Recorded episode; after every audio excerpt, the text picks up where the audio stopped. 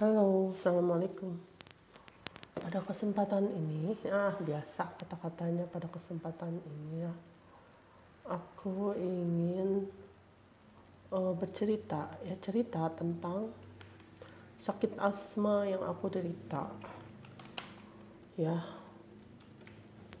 jadi aku tuh punya asma udah lumayan lama ya tahun 2006 apa berapa ya? Eh, pokoknya udah lama deh 2004 ya. Pokoknya 2000-an deh waktu di Ambarawa. Aku juga lupa di Ambarawa tahun berapa ya. Pokoknya Hamka waktu itu umur 2 tahun apa satu setengah ya. Ya tahun sekitar tahun 2006 kali ya. Hamka kan lahir 2004 ya kalau di Ambarawa emang dingin.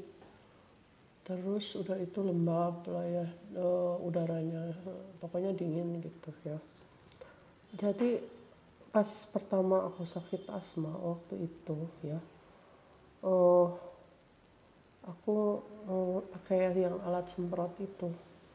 Aku juga nggak tahu dulu dulu aku nggak kena asma cuma emang kalau kedinginan gampang masuk angin ya. Jadi aku umur berapa itu? 30-an berarti ya sakit asma ya.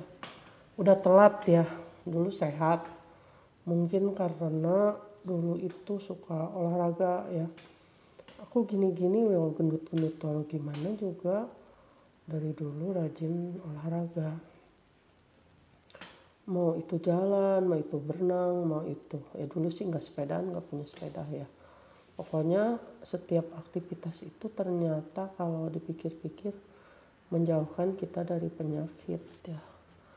Tapi kalau kita banyak pikiran ya, pikiran itu paling tajam kena asma. Banyak pikiran aja, sok deh pasti kumat ya. Jadi aku juga nggak tahu katanya sih kakek aku yang masih asma asma ini kakek aku ya tapi ya itu harus harus serba bersih ya. Harus uh, jangan stres harus rajin olahraga ya. Jadi kalau yang belum tahu rasanya sakit asma jadi kita bernapas tuh susah ya. Terus kalau dibawa ke rumah sakit dikasih obat. Kalau misalnya enggak sembuh sembuh dikasih apa teh uh, yang udara itu yang dikasih kayak apa? Hmm, yang buat penapas itu pokoknya ya. Ya apa namanya lupa ya. Kalau habis itu misalnya dikasih obat suka mendingan tuh. Ya kadang-kadang kalau nggak berobat sakit asma suka dua minggu. Dan kalau asma itu bisa cepet kurus saudara-saudaraku makanya bersyukurlah kalau nggak punya sakit asma. Kadang kalau asma tuh tidur juga susah nggak bisa tidur oh terlentang gitu. Jadi kadang tidur juga sambil eh, pakai bantal gitu ya pokoknya. Pokoknya nggak enak lah makanya setelah sembuh asma biasanya aku suka merasa kayak hidup lagi gitu ya. Seperti hidup lagi gitu kenapa aku nggak tahu kalau habis asma tuh badan suka lemes gitu ya. Terus pas asma itu mau jalan susah mau melangkah susah pokoknya. Hmm, segala macam dah. Rasanya nggak enak.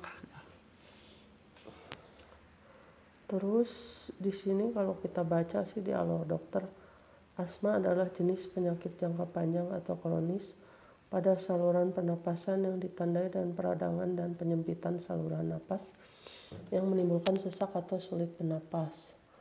Selain sulit bernapas, penderita asma juga bisa mengalami gejala lain seperti nyeri dada, batuk, atau mengi. Asma bisa diderita semua golongan usia baik muda ataupun tua.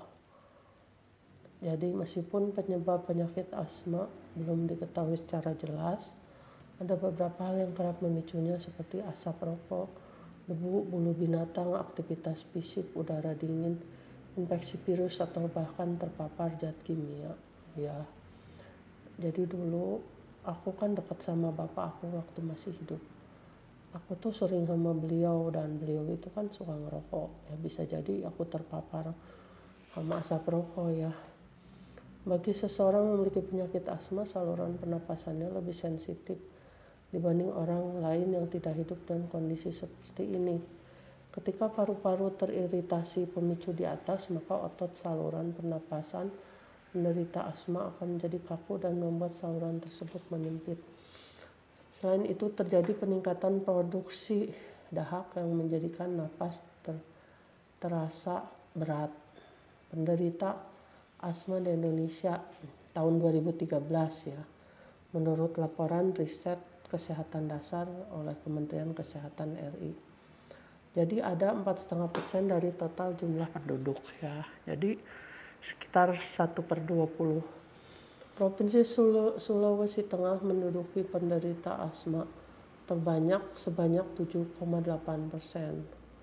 Kalau WHO, angka kematian tahun 2014 penyakit asma di Indonesia mencapai 24.773 orang atau sekitar 1,77 persen dari total jumlah penduduk.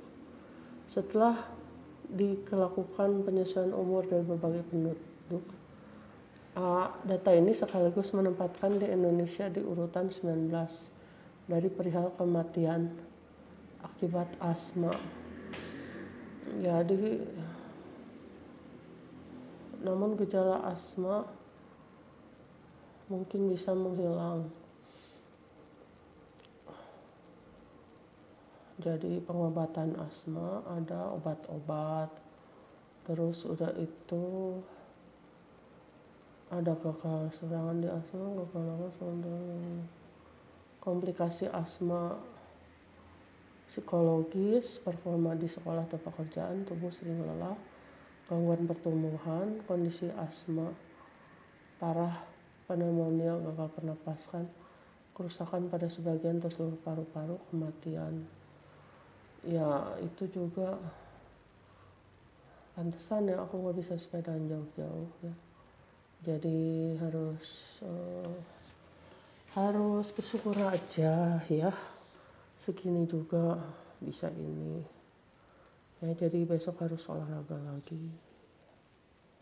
Harus olahraga lagi. Ya udah dah aku mau pulang dulu udah malam. Assalamualaikum makasih